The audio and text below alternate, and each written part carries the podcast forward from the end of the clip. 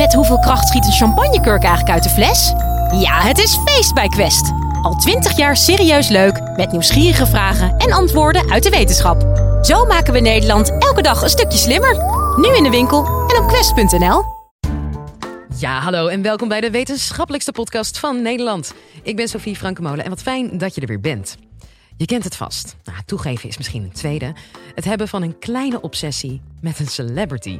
Nou, ik heb er één. Ik krijg namelijk persoonlijk maar geen genoeg van de Instagram van Britney Spears. Mediapsycholoog Monique Timmers van de Universiteit van Amsterdam vertelt je in deze aflevering over deze zogeheten parasociale relaties. Want zijn die eigenlijk wel gezond? Dit is de Universiteit van Nederland.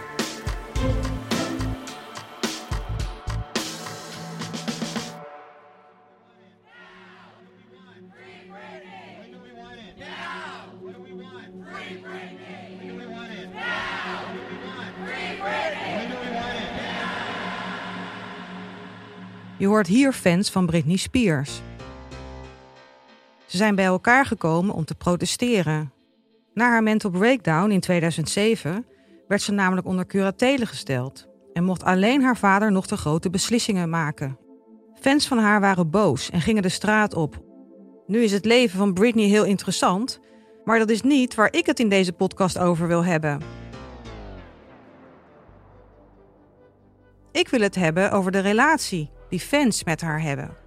Zij, die buiten stonden te protesteren en heel veel van hun vrije tijd hebben opgeofferd voor iemand die ze persoonlijk niet kennen. Dit noemen we in de wetenschap parasociale relaties. Parasociale relaties zijn iets van alle tijden, maar door de komst van sociale media zijn ze een constante geworden in ons leven. De hele dag door bouwen we relaties op met mensen die we niet kennen. En we onderhouden deze relaties. Is dat eigenlijk wel gezond? Het antwoord geef ik je in deze aflevering.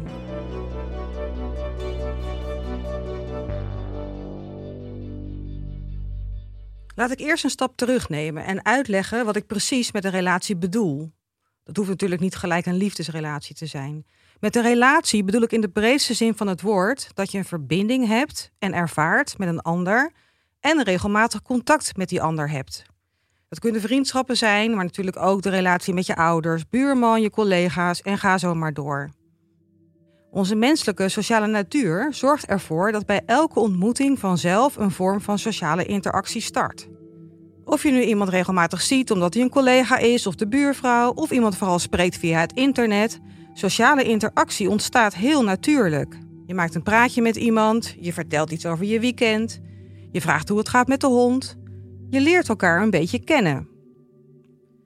Sociale relaties komen voort uit deze interacties. Deze relaties zijn wederkerig, want bij jouw relatie met je ouders en die met je vrienden voegen jullie allebei wat toe. Je spreekt elkaar, doet misschien dingen samen en je bent fysiek zichtbaar voor elkaar. Bij een parasociale relatie is er wat anders aan de hand. De wederkerigheid is niet aanwezig. De relatie komt van één kant, namelijk vanuit de ontvanger. Iedereen die media gebruikt, bijvoorbeeld series kijkt, op sociale media zit of wel eens de tv aanzet, ontwikkelt dit soort eenzijdige relaties met de mensen die ze zien via een scherm.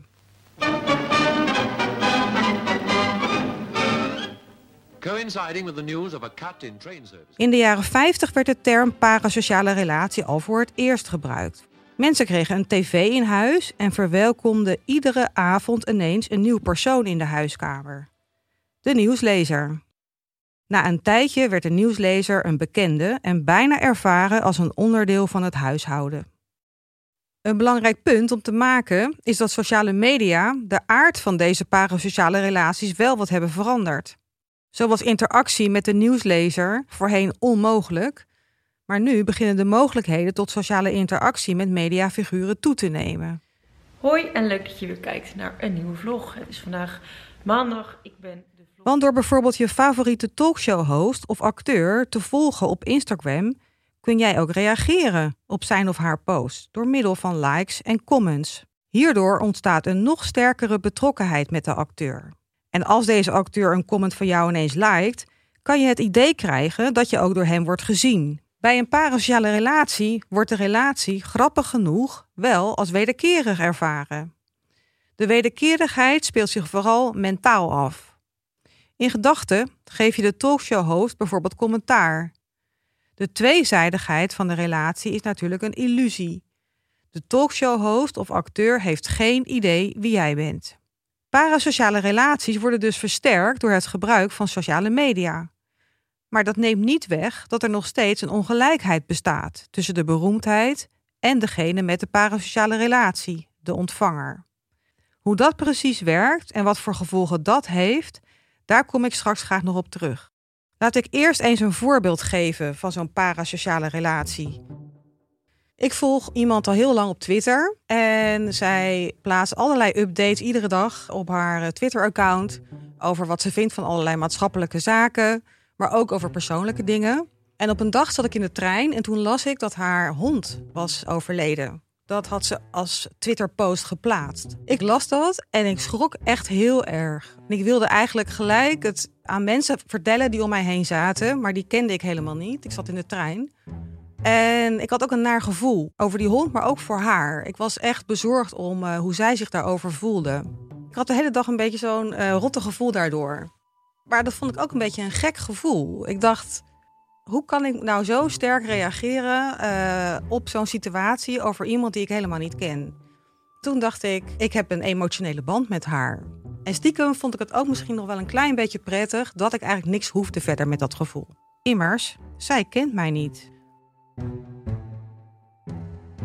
Voordat ik verder ga, wil ik nog iets zeggen over het onderscheid tussen parasociale interactie en een parasociale relatie. Want daar zit een belangrijk verschil tussen. Je ontwikkelt natuurlijk niet met iedereen die je op tv of op Instagram of Twitter ziet een parasociale relatie. Laat ik als voorbeeld de talkshow Jinek nemen. Dames en heren, goedenavond, hartelijk welkom. We gaan meteen. Als je regelmatig naar de talkshow van Eva Jinek kijkt, is de kans groot dat je tijdens het kijken een parasociale interactie hebt. In gedachten vind je iets van haar gestelde vraag, je kent een beetje haar opvattingen en anticipeert op wat ze zal gaan zeggen. Je bent dus in interactie met haar. Je kent haar interviewtechnieken en in gedachten geef je haar soms advies. En soms voel je je oprecht tevreden als je ziet hoe ze haar gasten aan tafel benadert. Een parasociale relatie gaat een stapje verder. Buiten de uitzending om is deze persoon een onderdeel van jouw leven, van jouw sociale kring geworden. En misschien vraag je jezelf af, als je in een ingewikkelde situatie zit, hoe zou Eva Jinek dit aanpakken?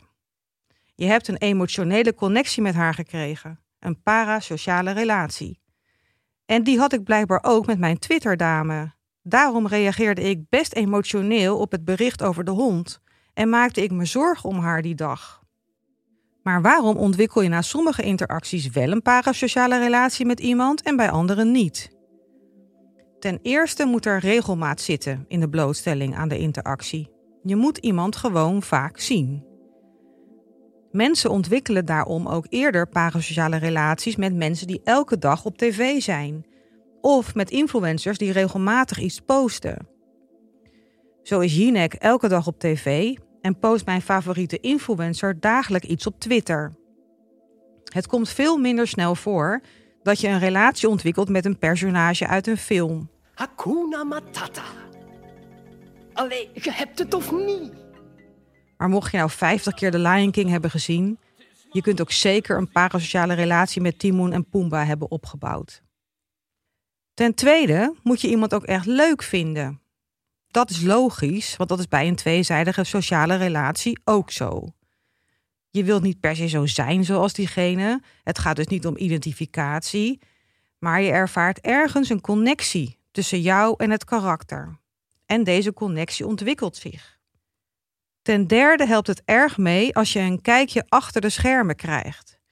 Niks werkt beter voor het opbouwen van een parasociale relatie als je het gevoel hebt de persoon te leren kennen in zijn of haar natuurlijke omgeving. Maar zoals bij elke sociale relatie kan de parasociale relatie ook eindigen. Dat noemen we een parasociale break-up.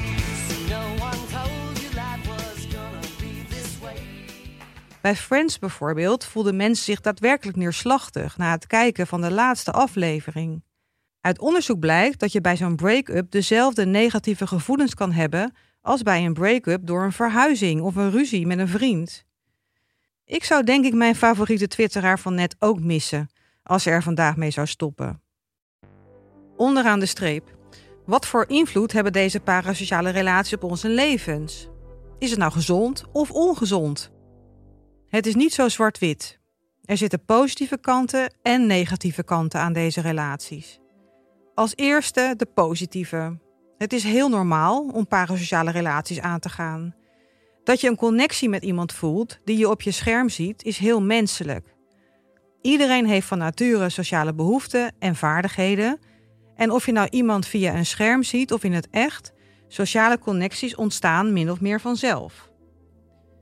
Het is ook een gemakkelijke manier om contact aan te gaan. Je neemt je parasociale vriend mee in je hoofd en dat kan troostend zijn en een comfortabel gevoel geven.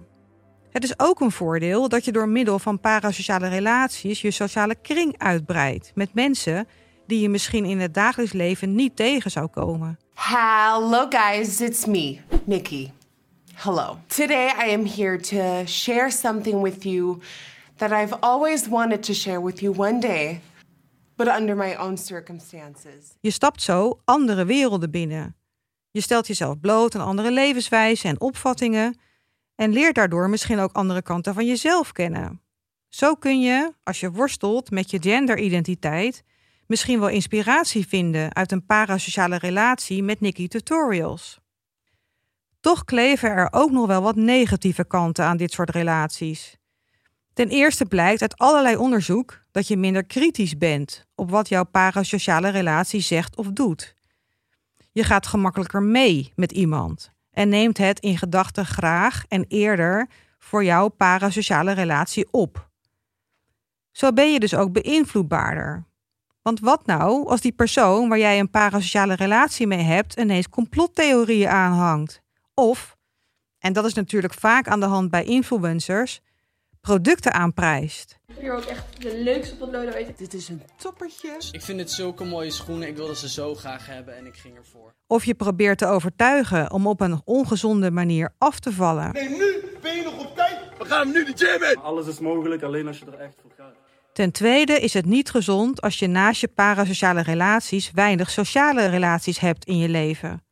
In parasociale relaties oefen je namelijk niet om jezelf te laten zien. Dus om wederkerig sociaal te zijn en je gedachten en gevoelens onder woorden te brengen. Dan wil ik nu ook nog één hardnekkige opvatting over dit soort relaties uit de wereld helpen. Mensen denken vaak dat mensen die eenzaam zijn en weinig echte relaties hebben, eerder geneigd zijn om parasociale relaties aan te gaan. Dit noemen we in de wetenschap ook wel de substitutiehypothese. Deze hypothese hield geen stand na het doen van veel onderzoek. Er is geen bewijs gevonden voor het feit dat eenzame mensen meer of juist meer intense parasociale relaties hebben dan niet eenzame mensen. Waar wel bewijs voor is gevonden, is dat parasociale relaties een goede uitbreiding zijn van de sociale kring die mensen toch al hebben. Vooral omdat je je blootstelt aan andere werelden. Dus, is jouw obsessie met Britney Spears ongezond? Parasociale relaties bestaan, jij hebt ze ook, dus doe er je voordeel mee. Deze relaties breiden je sociale kring uit, leren je buiten je eigen sociale kring kijken en geven gezelschap. Maar wees je wel een beetje bewust van de invloed die deze relaties hebben op je opvattingen en misschien ook op je aankoopgedrag.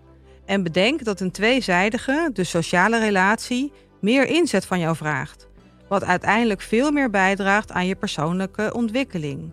Maar bedenk je, het bekijken van Britney op Instagram is hartstikke gezond. Dus blijf dat vooral doen. Dat was Monique Timmers. Nou, ik kijk gelukkig nu weer met een gerust hart op de Insta van Britney. En wat is het toch lekker, hè? Gewoon bijleren over je psyche met een podcast in je oor. Nou, elke week zetten we twee nieuwe afleveringen online.